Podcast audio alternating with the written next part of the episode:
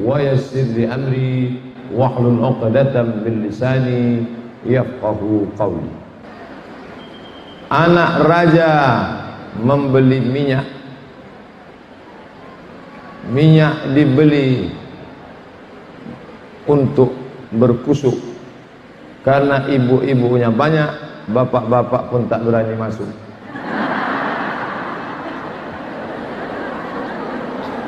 itu banyak itu bapak-bapak di luar nggak berani masuk. Assalamualaikum Pak. Saya khawatir nanti muncul komisi pembela hak laki-laki. Karena banyak laki-laki yang tidak bisa masuk acara pengajian ini. Ibu-ibu semuanya sehat? Kumaha atuh damang? Pripun kabare api? Alhamdulillah أعوذ بالله من الشيطان الرجيم والبلد الطيب يخرج نباته بإذن ربه والذي خبث لا يخرج إلا نكدا والبلد الطيب tanah yang baik yakhruju nabatuhu bi'in rabbih mengeluarkan tanaman yang baik-baik wallazi khabutha tanah yang tandus tanah yang tidak baik la yakhruju illa nakida. Hanya akan mengeluarkan tanaman-tanaman yang baik. Tidak ada tanah yang paling baik selain tanah Republik Indonesia. Gemah ripah Allah jenawi untayan zamrud katulistiwa tongkat dan batu jadi tanaman. Di Makkah Madinah kalau mau tanam korma satu batang pohon harus ada satu keran air di bawahnya. Betul? Ibu waktu umroh melihat itu ada keran-keran air. Kita lihat di jalan kota Madinah bunga tanam-tanaman indah. Ternyata ketika ditanya, loh kok bisa gini? Ditanam dulu Pak Ustadz. Setelah berbunga baru dipindah ke sini, disiram tiap hari. Tapi di tanah kita tumbuh bunga mawar dipandang indah mekar harum semerbak dicium wangi luar biasa. Kenapa? Tanah yang baik. Sedangkan tanah gurun Maroko tumbuh bunga kaktus dicium tidak harum hati-hati hidung bisa bengkak. Bunga kaktus. Apa makna ayat ini setelah cerita tentang tanah, langsung ayat berikutnya tentang Nabi Nuh alaihi salam. Kata Imam Al-Biqai ada at-tanasub kesesuaian antara satu ayat dengan ayat berikutnya. Lama saya mikir, apa hubungan tanah yang baik menumbuhkan tanaman yang baik dengan Nabi Nuh alaihi salam? Enggak ada hubungan sama sekali. Yang satu cerita tanah, yang satu cerita Nabi Nuh. Ternyata direnung-renung-renung. Nabi Nuh bibit yang baik, tapi karena tidak disemai di tanah yang baik, tumbuhlah tanaman yang tidak baik. Tanaman itu bernama Kan'an. Ya bunayya, wahai anakku, irkam ma'ana, mari naik ke perahu bapak apa katakan an? Sa'awi ila jabalin ya'simuni minal ma. Aku tidak perlu ikut bapak. Aku akan naik ke atas bukit yang tinggi yang bisa menyelamatkan aku dari air. Akhirnya dia pun tenggelam. Ketika akan tenggelam apa kata Nuh alaihissalam ya Rab ya Allah inna bni min ahli. Itu anakku ya Allah. Tolong selamatkan dia ya Allah. Apa kata Allah? Innahu laisa min ahlik dia bukan anakmu. Innahu amalun ghairu salih. Karena amalnya tidak baik. Lahir anak tidak baik. Dari seorang nabi yang baik. Karena bibit itu disemai di tanah yang tidak baik. Maka beruntunglah anak-anak yang lari-lari lompat-lompat di luar. Mereka dari tanah-tanah yang baik. Maka lahirlah dari ini semua anak-anak yang soleh dan solihah amin. Rabbal Ceramah ini hanya hanya saya ceramahkan di depan ibu-ibu. Karena kalau saya ceramahkan di depan bapak-bapak bahaya.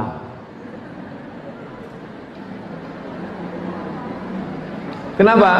Karena kalau saya ceramahkan di depan bapak-bapak tadi malam, dari tanah yang baik akan lahirlah bibit-bibit yang baik. Dia pulang ke rumah, nampaknya mah papa mau ganti tanah baru. Bahaya. Makanya ini hanya ceramah untuk ibu-ibu supaya apa? Ibu-ibu memperbaiki diri, yang gadis yang belum nikah supaya hijrah, yang sudah punya anak tetap perbaiki jiwa, raga, iman, ilmu, amal, maka insya Allah anaknya pun akan baik-baik. Perempuan yang solihah itu idza ra'aitaha sarratka kalau kau pandang hatimu senang bukan senang karena bedaknya tiga inci Bukan senang karena lipstiknya tebal. Bukan senang karena dua warna. Sebelah kiri hijau, sebelah kanan biru. Tapi senang karena dia basah bekas air wudhu habis sholat duha. Senang karena dia habis khatam Quran, baca Yasin, surat Al-Kahfi, surat Al-Waqi'ah.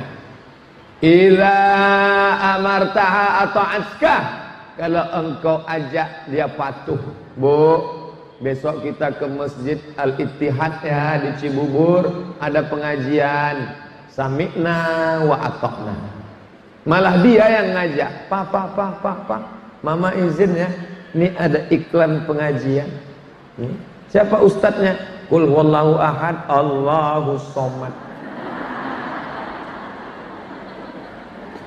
Iza amartaha kalau kamu perintahkan, kamu ajak, dia ikut, dia manut, dia patuh. Wa idza ghibta kalau kamu pergi jauh, dijaganya anak-anakmu. Rumahmu dia jaga. Kamu pergi, rumahmu utuh, hartamu tak berkurang, anakmu sehat walafiat. Tapi kalau dia tidak baik, kamu pergi anakmu sehat. Begitu engkau pulang, anakmu tetap sehat, cuman telinganya hilang sebelah. Engkau pulang kulkasmu dia jual. Jangankan mobil, kulkas dia jual. Kenapa? Dia mau pesta narkoba sama teman-temannya. Dia mau dugem, dia mau buat dosa. Tapi kalau dapat ini, masya Allah. Datang seorang mahasiswa. Saya sehari-hari mengajar di Universitas Islam Negeri Sultan Syarif Kasim Riau. Sumatera. Assalamualaikum Ustaz Somad. Waalaikumsalam. Masih ingat sama saya Pak Ustaz? Masih. Alhamdulillah. Saya mahasiswa Ustaz dulu. Alhamdulillah. Sudah selesai kuliah. Alhamdulillah. Sudah kerja. Alhamdulillah. Belum nikah. Nauzubillah. Dulu kan Ustaz pernah ceramah, katanya perempuan yang baik itu tungkahul mar'atu li arba, perempuan dinikahi karena empat, lima liha karena kaya, wali hasabiha karena keturunan baik-baik dari kalangan ningrat, darah biru, bangsawan, bangsa yang hidup di awan. Wali hasabiha, wali jamal, beautiful. Jamal onta. Pakai alif. Jamal karena cantiknya. Walidiniha karena agamanya. Tolonglah Ustadz carikan saya yang ada empat-empatnya Pak Ustadz kalau ada empat-empatnya ngapain saya kasih ke kamu kamu jangan pandang perempuan karena kesempurnaan Man talaba akan bila aibin baqiya bila akhin. Siapa yang mencari teman sempurna seumur hidup akan hidup sendirian. Maka pandanglah perempuan karena dia akan menjadi ibu bagi anak-anakku. Pandanglah perempuan, dia akan menjaga harta dan martabat diriku. Pandanglah perempuan karena dia akan menemani aku nanti sampai masanya aku tua. Ibu kasih tahu sama bapak, papa jangan sepele sama mama. Memang mama nggak terlalu cantik, tapi setianya luar biasa. Karena nggak cantik inilah maka setia. Nanti sampai masanya kamu stroke, mati badan sebelah, yang akan nyuapin kamu makan siapa? Nih, Maka kamu jangan sepele. Nanti kalau kamu sombong, kalau kamu macam-macamin aku, kalau kamu sepele sama aku, lihat nanti kalau kamu tua, aku akan pakai skop. Kalau ibu segan ngomongnya, nanti videonya minta atau ada di YouTube, potong pendek satu menit. Skop masuk mulut judulnya. Viralkan. Tentu dengan bahasa yang lembut. Perempuan itu tidak pernah mendengar kata, isinya dia tidak terlalu peduli. Tapi yang selalu dia pentingkan adalah kata-kata yang lembut. Makanya Nabi selalu mengucapkan kata-kata yang lembut sampai Nabi tidak mau panggil nama Aisyah. Ya Humaira, wahai engkau ahmar merah. Ya Humaira, wahai engkau yang kulitmu putih kemerahan kalau terkena sinar matahari. Coklat tua. Wahai engkau yang putih kemerahan kalau terkena sinar cahaya matahari. Kemarin siang kami pengajian di Kemenq, Kementerian Keuangan, datang bapak-bapak. Ustadz Somad, ya. Saya selalu dengerin ceramah Ustadz, ya. Saya ingin hubungan dengan istri mesra, ya. Bagaimana kalau saya panggil istri saya, ya Humaira, wahai engkau yang putih kemerahan? Bagus saya bilang. Tapi istri saya hitam Pak Ustadz. Ya enggak apa-apa. Perbuatan yang baik idghalus surur fi qulubil mu'minin menyenangkan hati orang beriman. Dia sudah beli bedak pemutih dua bulan. Enggak putih-putih. Semua teman dia yang ngomen di FB bilang, kok kamu enggak berubah? Tiba-tiba kita mengatakan, hai engkau yang putih kemerahan. Dua kemungkinan. Pertama dia senang, yang kedua ngejek. Jangan mentang-mentang mau jujur Aku sudah ngaji Aku sudah hijrah Aku harus jujur Harus apa adanya Gak penting Yang penting berkata Jujur Walaupun menyakitkan. Ya Hajar Aswad. Aku sakit hati. Nabi pulang ke rumah. Malam Habis keliling Menyampaikan ayat-ayat Allah. Assalamualaikum. Assalamualaikum. Waktu itu Aisyah tidur, nggak ada yang menjawab. Assalamualaikum, sunyi sepi. Tiga kali Nabi mengucapkan salam. Sayyidatuna Aisyah radhiyallahu anha nggak buka pintu, Nabi tidur. Tidur Nabi di depan, itulah yang kalau kita ziarah yang laki-laki mengucapkan salam, Assalamualaikum ya Rasulullah. Assalamualaikum ya Habiballah Assalamualaikum ya khairah khalqillah. Assalamualaikum ya safwatallah. Datang ibu-ibu dinyanyikan dalam bentuk lagu nasyid Assalamualaikum asqal asqiya. Assalamualaikum azkal azkiya Dengan suara yang lembut sampai salam itu kepada Nabi Muhammad sallallahu alaihi wasallam. Balak salam alaih. Dalam solat aja kita ucapkan assalamu alayka ayuhan nabiyyu wa rahmatullahi wa barakatuh amal kita di Cibubur ini dibawa oleh malaikat diperlihatkan ke Nabi Muhammad sallallahu alaihi wasallam Lihatkan, ya Nabi, ini amal umatmu di Cibubur. Coba lihat parkir sampai penuh ke ujung. Coba lihat seperti Idul Fitri, Idul Adha umatmu sekarang. Dari Cibubur ke Madinah 9000 km. Kalau nggak percaya, ukur sendiri.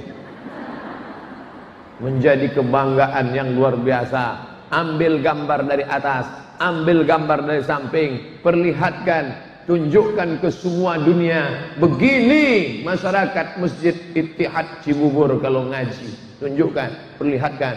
Semua akan melihat. Loh yang di luar itu siapa? Bapak-bapak. Yang di dalam siapa? Ibu-ibu. Kenapa begini? Balas dendam karena selama ini ibu-ibu disuruh di luar. Ibu sedang halangan ya keluar. Ibu sedang nggak boleh ya keluar. Ibu bawa anak ya keluar. Pagi ini kami khususkan semuanya ibu-ibu.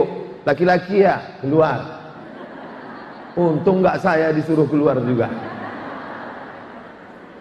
Saya ceramah ke Kuala Lumpur setiap bulan Februari. Kuala Lumpur, Selangor, Malaka, Ipoh, keliling. Datang ibu-ibu. Assalamualaikum. Waalaikumsalam. Ustadz Abdul Somad. Betul saya orangnya. Saya nak jumpa dengan emak Ustadz Somad. Loh, kok mau cari emak saya? Jadi saya sebab makhluk ini pasti dibina, dibentuk, dididik oleh orang manusia yang luar biasa. Kata dia, emak saya luar biasa. Kalau saya biasa di luar.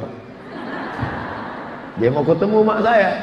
Benar-benar dia datang ke Riau, Pekanbaru dan ketemu mak saya. Dia tanya, gimana dulu ibu mendidik anak ibu? Ternyata dia tidak lihat saya, tapi dia lihat siapa yang membentuk, siapa yang mendidik. Dan memang ibu orang tua saya adalah biasa, bukan LCMA, tidak pernah di Mesir, ibu rumah tangga, tapi dia tidak hanya melahirkan saya, dia mendidik saya, dia yang bawa saya ke kepala sekolah karena tiap hari saya mau minta sekolah, sekolah, sekolah, sekolah, sekolah. Saya ingat pagi-pagi dia bawa ke sekolah, ketemu sama ibu sekolah. Ibu kepala sekolah, ya ini anakku tiap hari mau sekolah. Datang kata ibu kepala sekolah, coba pegang telinga kanan dengan tangan kiri. Belum bisa. Saya mau SD juga, pulang nangis, nggak bisa. Akhirnya dia pulang karena SD nggak nerima, dimasukkan saya madrasah ibtidaiyah. Sampai di ibtidaiyah nggak ditanya mau telinga kanan, mau telinga kiri, duduk aja. Saya belajar. Kelas 1 ibtidaiyah, kelas 2 ibtidaiyah, kelas 3 ibtidaiyah, muncul masalah. Karena di ibtidaiyah hanya tulis Arab Melayu, Arab Pegon, Arab Jawi, tapi nggak bisa baca A B C D E F G. Ketika disuruh tulis Latin nggak bisa. Kata paman saya, ini anak bermasalah. Ntar dia mau masuk SMP gimana? Masa cuma bisa tulis Arab Melayu? Akhirnya pergi lagi ke SD. Bu, kepala sekolah SD, ya bisa nggak anak ini lompat langsung kelas 4? Kita usahakan. Kepala sekolahnya perempuan juga. Mak saya perempuan Kepala sekolahnya perempuan.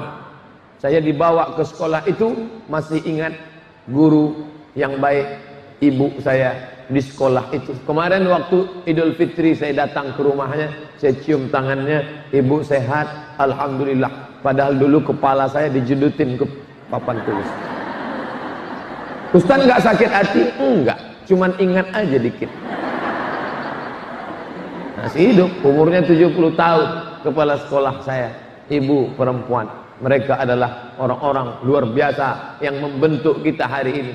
Mau ngaji, mau ngaji. Kamu saya bawa ke guru ngaji, ke surau. Assalamualaikum Ustaz. Waalaikumsalam. Ini anakku Ustaz, namanya Abdul Somad. Ini beras Ustaz, satu kaleng untuk guru ngaji. Ini rotan Ustaz ujungnya dibelah empat. Nanti kalau anakku nakal, pukullah dia. Aku ikhlas dunia akhirat. Saya ra, saya sangka basa-basi. Mbak taunya serius. Begitu mak saya pulang, yang lain ribut semuanya. Wow, wow, wow. Wah, begitu semuanya tamu pergi, datang guru ngaji ngambil rotan. Ya pukul semua yang baik, yang ribut semuanya kena. Saya enggak ribut, saya memang dari kecil dah baik.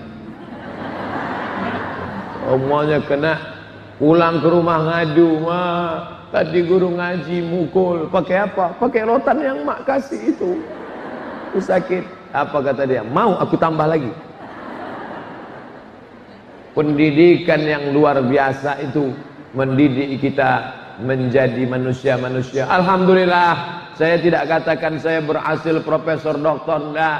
Paling tidak saya enggak pernah pakai narkoba. Saya enggak ngelem. Saya enggak berzina. Saya enggak pacaran. sampai kuliah 4 tahun di Al-Azhar di Mesir tidak satu pun menjalin hubungan dengan perempuan kenapa? karena jarak kampus laki-laki dengan perempuan 15 km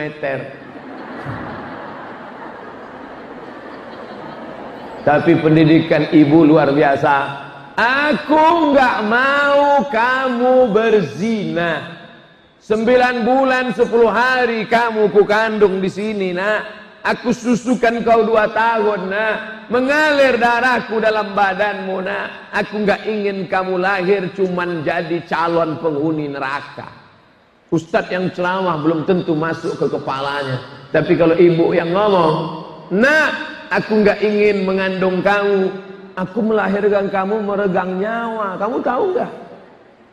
Bersimbah darah Menggenang air mata aku membesarin kamu Aku nggak ingin kamu lahir cuman calon penghuni neraka. Kamu jangan korupsi, kamu jangan pakai narkoba. Istri kamu jangan kamu sakiti, karena aku juga perempuan. Perempuan jangan kamu ganggu. Mereka itu ibumu, sama dengan adikmu yang perempuan. Itu masuk ke kepala dia. Dia katakan ibu cerewet, nggak apa-apa. Ibu suatu hari buka HP-nya lihat, kok nggak ada namaku ya? Aku kan ibunya. Lalu ibu penasaran, ibu miskol keluar security kejam. Ibu nggak usah sakit hati. Kenapa? Ibu sudah selamatkan dia. Nanti 20 tahun akan datang, dia akan meleleh air mata. Kapan? Ketika akan minta doa restu akad nikah. Mama, maafkan salah adik selama ini. Kalau bukan karena security kejam, mungkin aku sudah jadi setan sekarang. Meleleh air mata ibu duduk saat mendampingi anak. Ibu kok nangis? Anaknya kan sudah nikah, sudah ketemu jodoh. Nangis kenapa? Ini air mata kebahagiaan Pak Ustadz. Mohon maaf Ustadz gak bisa bedakan mana air mata sedih, mana air mata bahagia. Karena warnanya sama. Tapi ibu sudah senang, selamat. Saya ini wanita karir Pak Ustadz. Bukan duduk jaga di rumah. Gimana caranya? Oke. Jam 8 pagi berangkat, jam 1 siang break, jam 5 sore pulang, sampai ke rumah HP-nya mati. HP, mohon maaf, untuk sementara engkau innalillah wa inna ilaihi rajiun. Aku mau dengan anakku dulu, peluk cium, sayang. Jangan sampai dia datang bangga bawa kertas. Mama, mama, mama, mama, nilai adik lihat, nilai adik lihat. Ya, sebentar ya. Nilai adik mah, nilai adik. Sebentar ya. Sebentar ya. Nilai adik. Ya, mana nilainya? Mana? Mana? Ini, dipoto nilainya. Dah, dah ya. Pergi sana main. 20 tahun akan datang, 30 tahun akan datang, kita pun akan minta sama dia, "Nak, tolong ambilin air mama, udah gemetaran nih." Sebentar ya, dia ambil air, dia foto.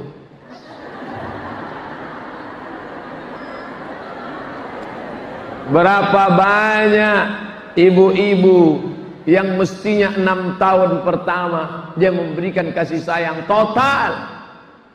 Kenapa anak disuruh sholat umur tujuh tahun? Muru auladakum bis wa abna sab'ah.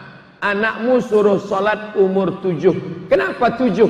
Karena enam tahun adalah the golden age, golden emas, age usia, usia emas. Dua tahun pertama peluk cium susu, peluk cium susu. Dua tahun pertama. Sekarang dua tahun pertama hubungan ibu dengan dia sudah putus karena ibu serahkan dia kepada Siti Al-Baqarah. Sapi betina. Dua tahun kedua empat tahun. Lari-lari lompat-lompat. Lari-lari lompat-lompat. Lari-lari lompat-lompat. Dia tidak dapatkan kasih sayang. Lari-lari lompat-lompat. Kenapa? Ibu serahkan dia ke Pak Ud dan Bu Ud Pak Ud pendidikan anak usia dini. Dua tahun ketiga saat dia ingin mengadu, saat dia ingin berbagi, saat dia ingin ajak main pasir-pasiran, saat ini boneka-bonekaan, saat itu ibu serahkan dia ke TK. Tinggal ya, mama pergi dulu ya. Topi mama bundar, bundar kepala mama. Kalau bukan bundar, bukan mama saya. Akhirnya hubungan Golden Age putus dengan ibu. Setelah putus baru ibu heran. Kenapa ya Pak Ustadz? Anak saya lebih mau curhat sama pacarnya daripada saya. Karena sudah diputus pita ibu dengan anak emosional. Emosional melahirkan hilang Dulu ibu-ibu bisa berkata kepada anaknya, kamu jangan lawan aku, aku melahirkan kamu meregang nyawa. Sekarang melahirkan mudah sekali. Lahir. Beset lah. Gimana nih Pak Ustadz? Yang sudah berlalu gimana? Masa mau dimasukin ke dalam lagi? Gimana? Yang berlalu apa boleh buat? Tai kambing bulat-bulat akan datang kita perbaiki perbaiki hubungan matikan HP matikan ajak ngaji maghrib ke isya TV mati HP mati kita bareng keluarga bapak papa mama anak duduk ngaji buka Quran kamu kapan terakhir ibu bacaan anaknya lihat nun mati ketemu dengan qab min qab qalqalah gimana bunyinya nak huruf sa gimana coba kamu baca sa Sa, sa letakkan ujung lidah di gigi atas. Sa. Sa. Sampai mati dia akan ingat. Nanti dia akan ajar anaknya, cucu ibu. Sini sini nak, dulu nenek kamu ngajarin ibu. Letakkan dulu gitu meleleh air matanya. Kita sama-sama doa yang untuk nenek kita. Rabbi firli wali walidayya warhamhuma kama rabbayani saghira. Gara-gara mengingat huruf sa. Setiap ketemu huruf sa, dia ingat dengan kita. Ingatnya di mana? Ngaji. Ingatnya di mana? Saat sholat tahajud bersama, ingatnya di mana? Saat itikaf, ingatnya di mana? Dulu saat dibawa jalan-jalan sana-sana, lari sana, lari sini. Saya selalu diundang ibu-ibu pakai grup rebana. Banyak saya lagu hafal lagu-lagu nasyid. Pas kemarin menyambut jamaah haji dari Padang Arafah terus ke Muzdalifah bermalam di Mina melontar tiga jumrah syarat rukun haji sempurnalah sudah semoga menjadi haji mabrurah Ustaz dengar di mana? Dulu mak-mak kita nyanyi. Sekarang lagu-lagu religi itu sudah hilang. Siapa yang menggantikannya? Keong racun kucing garong. Ibu sambil masak pagi untuk suami, pembantu ada, tapi lain rasanya kalau ibu yang masak, pembantu mungkin motong-motongnya, ibu sambil masak. Salatullah, salamullah, ala taha rasulillah. Salatullah salamullah. Garam ya? Ala yasin habibillah. Anaknya ingat suaminya tenang. Kenapa man shalla alayya salatan siapa yang berselawat kepadaku satu kali sallallahu alaihi biha asra Allah balas sepuluh kebaikan. Wa hutan anhu asra sayiat ditutupi Allah sepuluh dosa. Wa rufi'at lahu asra darajat.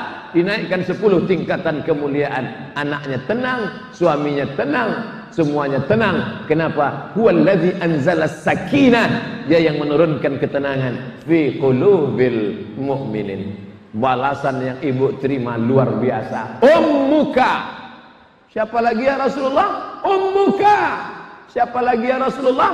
Ummuka ibumu ibumu ibumu tiga kali. Lalu yang keempat siapa ya Rasulullah? Abuka bapakmu saya nggak bisa nasihatin anak saya. Kamu mesti berbakti kepada aku. Bapakmu bapakmu bapakmu.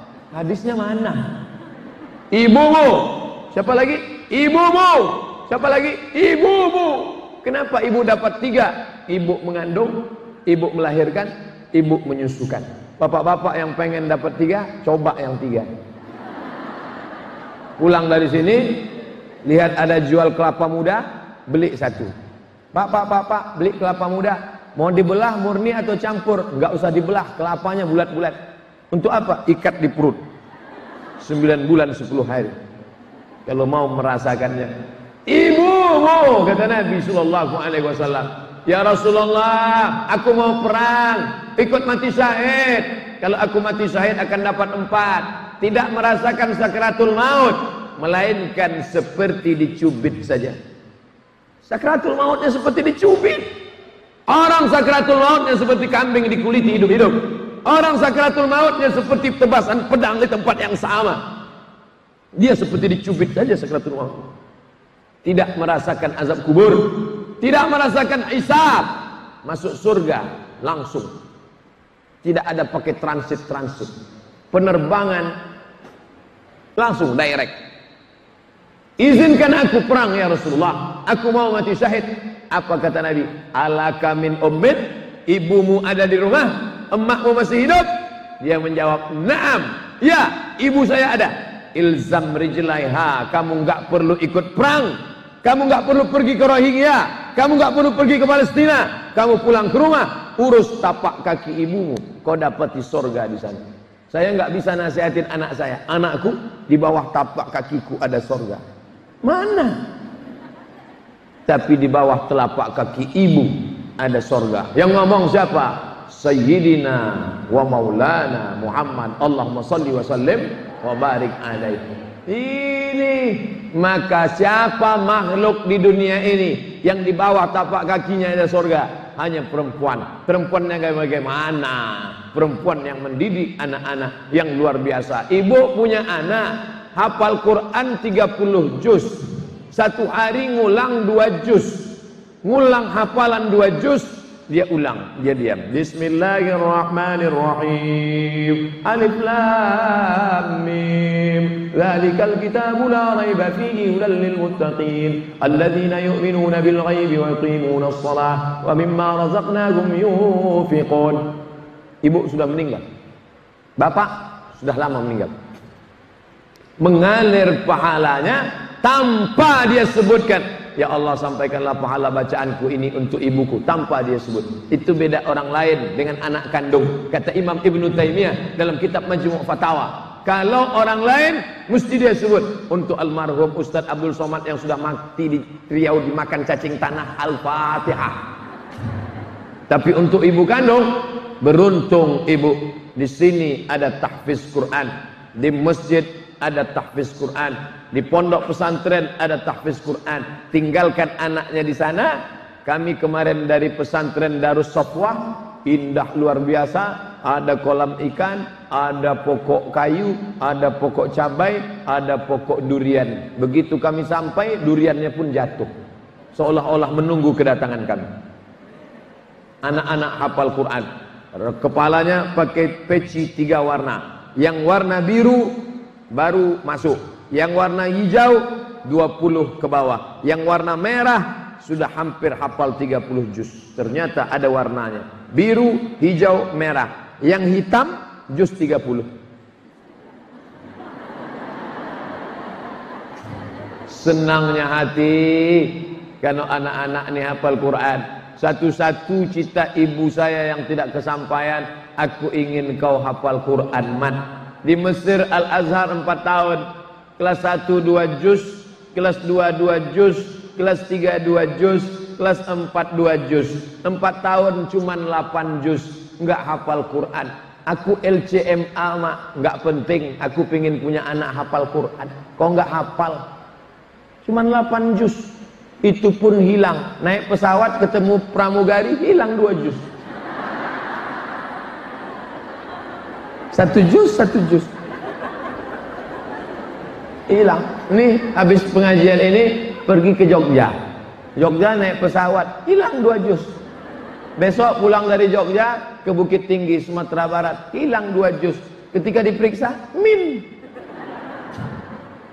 Maka ibu-ibu yang sudah pakai jilbab panjang, pakai rok panjang, menjaga anak-anak kita yang hafal Quran. Kan kasihan tuh. Dia pagi ngulang, ini anak-anak ngapal Qurannya berapa lama? Satu tahun harus 10 juz di Darus Sofwah. Kalau sampai kurang maka dianggap gagal. Kami sudah pulangkan yang 8 juz gagal. Apa? 8 juz gagal. Yang 8 juz kami pulangkan. 3 tahun tamat SMA dia harus hafal 30 juz. 10 20, 30. Kami tidak cetak ustaz. Ustaz sudah banyak. Dia akan jadi kapolri tapi hafal Quran. Dia akan jadi kapolda tapi hafal Quran. Dia akan jadi dokter spesialis tapi hafal Quran. Bayangkan dokter jilbabnya panjang hafal Quran. Masuk ke ruang pasien. Bismillahirrahmanirrahim. Ar-Rahman 'allamal Qur'an khalaqal insan. Sehat pasiennya. Bayangkan kalau dokternya anak funky, rambutnya tiga warna, merah, kuning, kelabu. Anting-antingnya 12. Tiga di kiri, tiga di kanan, empat di sini, dua di sini, satu di sini. Satu lagi di bibir. Melihat anting di bibirnya, bibir kita yang ngilu. Mana pasiennya? Mana, mana, mana, mana, mana? Masuk dia ke dalam ruangan. Kukunya hitam. Di atas black kutek, di bawah black daki. Mana? Pasien-pasien pada ketakutan, disangkanya malaikat maut. Ini anak siapa? Itu anak siapa tuh? Yang dokter spesialis, yang bajunya panjang, yang jilbabnya panjang. Siapa lagi kalau bukan anak saya? Siapa dulu mamanya? Padahal 20 tahun yang lalu mata ibu bengkak. Nangis siang, nangis sore, nangis malam. Papa, aku nggak bisa pisah dengan dia. Tenang aja, kamu gitu aja kok nangis. Dasar mental tempe. Anak sekolah kok nangis. Kamu yang nggak nangis, yang ngandung 9 bulan aku, yang melahirkan aku. Yang nyusukan aku, kamu kan cuma modal flash disk aja. Aku yang membesarkan dia. Kamu pergi pagi, pulang petang cari nafkah. Sekarang kamu nangis. Wah, akhirnya si bapak tegas, sini, lebih baik kamu nangis sekarang daripada kamu nangis 20 tahun lagi karena dia pecandu narkoba. Dia menangis karena kena HIV AIDS. Kita nangis ngantar dia ke BNN, ke Badan Narkotika Nasional. Kita nangis karena kita mesti antar dia ke pondok pesantrennya Abah Anom di Suryalaya karena harus diobati. Ini orang sudah kena penyakit yang nggak ada obatnya. Apa mau nangis sekarang apa nangis nanti? Alhamdulillah Pak Ustaz, sejak saya gitu pada istri saya, istri saya berhenti nangis. Sekarang malah saya yang nangis Pak Ustaz. Ternyata bapak-bapak yang tegar itu dia tidak nangis di depan ibu. Begitu ibu sudah pergi, dia nangis sendiri. Dia sayang juga sama anaknya. Oleh sebab itu maka ketika saat ini hari ini masih ada yang mau meramaikan rumah Allah, kita berbahagia bangga. Ibu-ibu menjadi sasaran dakwah aliran sesat. Info dari Majelis Ulama Indonesia, Komisi Aliran Sesat. Kalau ada satu aliran sesat, mau menyampaikan alirannya, dia tidak sampaikan ke bapak-bapak. Kenapa? Karena bapak-bapak kalau dengar ceramah,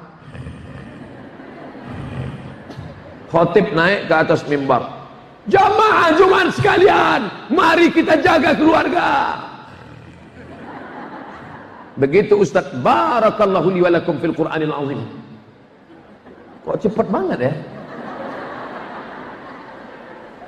Seratus bapak-bapak mendengar ceramah. Yang masuk ke kepala tinggal lima puluh. Yang benar-benar ingat tinggal tiga puluh. Yang berani nyampaikan ke istri tinggal dua puluh. Yang istrinya mau dengar tinggal sepuluh. Seratus ibu-ibu dengar ceramah Dia bawa pulang ke rumah menjadi dua ratus Karena ada suaminya Didengar oleh anaknya menjadi 300. Didengar oleh mantunya menjadi 400. Didengar oleh cucunya menjadi 500. Maka menurut teori, kalau mau menyampaikan sesuatu, sampaikanlah ke ibu-ibu. Contoh, anggota legislatif caleg mau kampanye. Majelis bapak-bapak apa ibu-ibu? Ibu-ibu. Ibu nanti coblos nomor berapa? Coblos yang itu Pak Ustadz yang gambarnya. Kenapa pilih itu? Setiap malam mau istikharah kelihatan wajahnya. Kenapa wajah dia yang kelihatan? Dia udah ngasih surat Yasin dua, jam dinding satu, rebana gambar dia. Setiap dilihat ini lihat wajahnya. Siapa yang dipengaruhi? Ibu-ibu. Setelah ibu pulang ke rumah sebelum tidur malam, papa, papa, nanti kalau kita milih yang gambar ini aja ya, Ah, kenapa mama kurang setuju nih? Ini yang bagus, Pak. Kenapa? Dia udah ngasih surat Yasin dua. Jam dinding satu. Kain sarung yang capnya di belakang coblos nomor dua. Ibu menjadi sasaran setiap aliran-aliran. Maka ibu mesti istiqomah buat pengajian. Ada divisi khusus kajian ibu-ibu pagi. Cuman ibu ini kan suka ada nyanyi-nyanyinya. Beda sama bapak-bapak. Kalau bapak-bapak tegas saja. Ikut ini pengajian ustaz. Panggillah ustaz-ustaz yang suka pakai nyanyi-nyanyi. Oh. Sebelum ustadznya datang, kita baca Asmaul Husna dulu ya, kata ketua panitia. Dari kita ke ngomong nggak tentu arah, kita baca ya, Ya Rahman, Ya Rahim, Ya Malik, Ya Kudus, Ya Salam, Ya Mu'min, Ya Muhaimin, Ya Aziz. Pas sampai pada ya ahad ya somat. Begitu mereka sebut dia somat, saya pun muncul. Pas acara pengajian. Saya tahu saya terlambat, tapi ibu jangan panggil-panggil lah. Apa maknanya? Ada darah seni dalam diri yang nggak bisa dibunuh. Maka ada grup rebana, grup marawis. Bismillah tawassalna la la la la la ada grup marhaban sallallahu ala Muhammad. Sallallahu alaihi wasallam. Sallallahu ala Muhammad. Sallallahu alaihi wasallam. Ada pembacaan maulid. Maulaya salli wa sallim daiman abada. Ala habibika khairil khalqi kullihim. Ustaz tahu itu dari mana? Dari ibu. Ustaz selalu ikut. Ya, ke mana dia pergi saya ikut. Saya anak pertama, laki-laki, tak ada anak perempuan. Ke mana dia pergi saya ikut. Saya bukan mau ikut pengajiannya. Saya mau ikut makan kuenya. Maka saya nggak pernah uh, grogi ceramah di depan ibu-ibu. Nah, di mana pun saya ceramah, ngalir aja. Kenapa? Karena saya tidak pernah merasa berceramah, tapi saya merasa sedang cerita dengan ibu saya. Dulu kalau pulang sholat Jumat, panggil sama mak. Sini sini. Apa kata khotib tadi? Kata khotib tadi mak, katanya nanti kalau kita mati masuk neraka mak. Katanya gini. Maka dari kecil saya sudah ceramah depan ibu saya. Selesai pengajian, apa tadi kata ibu-ibu waktu pengajian tadi? Kata ibu itu mak, oh nanti kita kalau masuk neraka, kok isinya itu itu terus? Artinya apa? Bahwa anak hubungan emosional luar biasa. Hari ini diundang ke Cibubur, dikasih makanan enak, sarapan pagi, bubur. Baru saya tahu makna Cibubur. Sarapan pagi, bubur. Ketika bubur ayam, ketika bubur, siapa yang terbayang wajah pertama kali? Ibu, wajah ibu. Berapa kali kita tempat indah, pergi ke Makkah Mukarramah, nampak jilbab panjang, ibu kelihatan nampak bukur ibu luar biasa. Bagaimana dengan anak? Bagaimana dengan pasangan hidup? Ya kita ingat. Bukan berarti kita hilangkan semua tidak. Di dalam hati kita ini ada kamar-kamarnya. Ada ruang tamu ada ruang makan ada ruang dapur ada ruang barang-barang. Ada ruang di dalam. Ada kamar untuk ibu, ada untuk pasangan hidup, ada untuk anak. Jangan sampai di ruang itu ibu tidak ada sama sekali. Yang ngasih uangnya ibu. Yang pesannya ibu.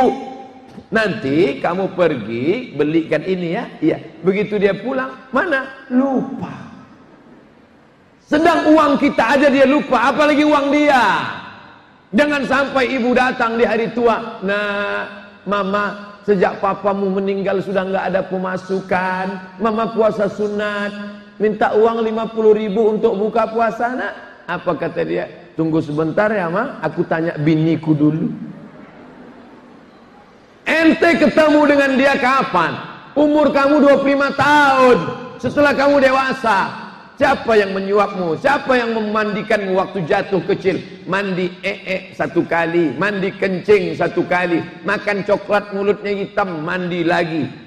Main-main tanah, mandi lagi. Berapa kali ibu memandikan dia?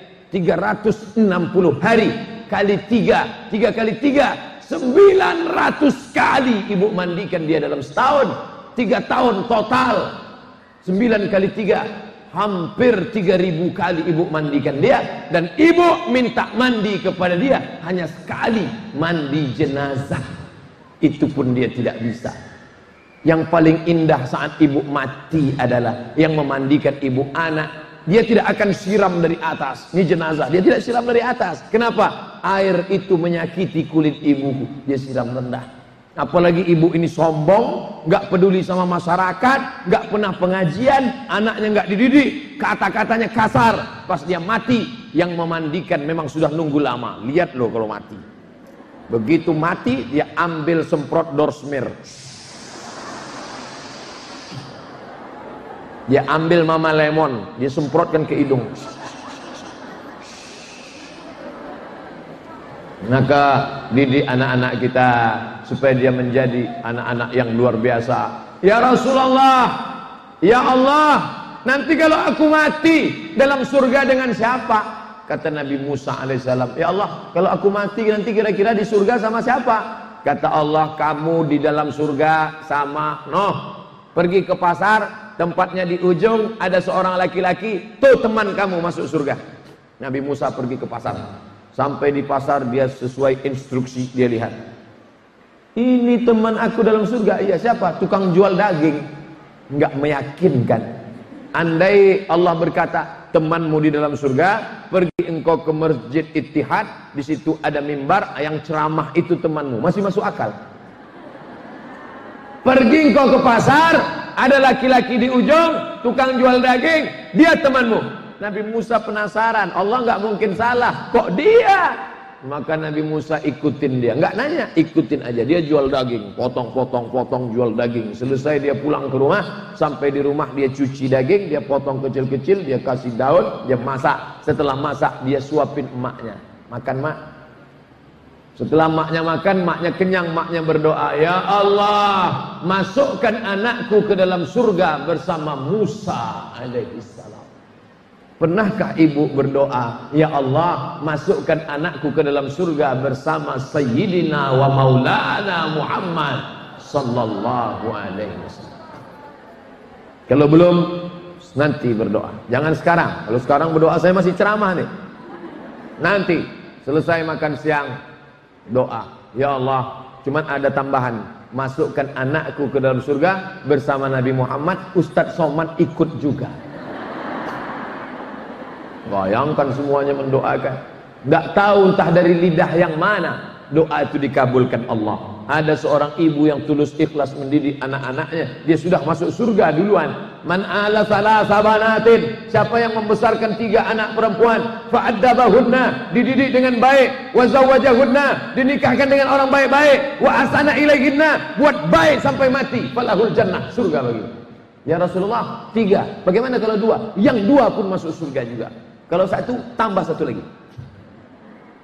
Mobil lewat. Nampak ibu-ibu gendong anak di luar. Anaknya lari, dia kejar. Dalam hati saya, beginilah emakku dulu waktu dengar pengajian. 40 tahun yang lalu ketika emak mendengar pengajian membawa anaknya. Kenapa dia tidak duduk di rumah saja? Karena dia ingin dengar pengajian. Kenapa dia tidak masuk dalam masjid? Karena dia ingin supaya tidak mengganggu pengajian. Berapa kali ibu itu diusir orang? Karena kita menangis saat akad nikah aku nikahkan engkau dengan anakku dengan mahar seperangkat alat sholat. Wih, wih. ulang akadnya ya mohon maaf ya kata Pak Kuat. Aku nikahkan engkau dengan anakku. Mata orang tajam melihat dia tapi dia tulus ikhlas. Hari ini ada dia di sini. Anak-anaknya sudah jadi ulama. Anak-anaknya menjadi orang-orang yang terpandang. Diridhoi Allah lidahnya terkabul doa. Makanya saya selalu di akhir majelis menutup dengan doa supaya apa? Ada yang mengaminkan, malaikat mendengar doanya. Dia bukan ustadz, bukan ulama, tapi dia orang-orang yang pernah mendidik calon-calon ustadz, calon-calon ulama, calon-calon penolong agama Allah di masa akan datang. Pas jam 10. Makanya dari tadi saya ngelihat jam. Saya di mana-mana ceramah 60 menit dimulai jam 9 diakhiri jam 10 sesuai yang tertulis di botol 600 ml ini botolnya kecil 330 karena dua botol pas 600 ini untuk tanya jawab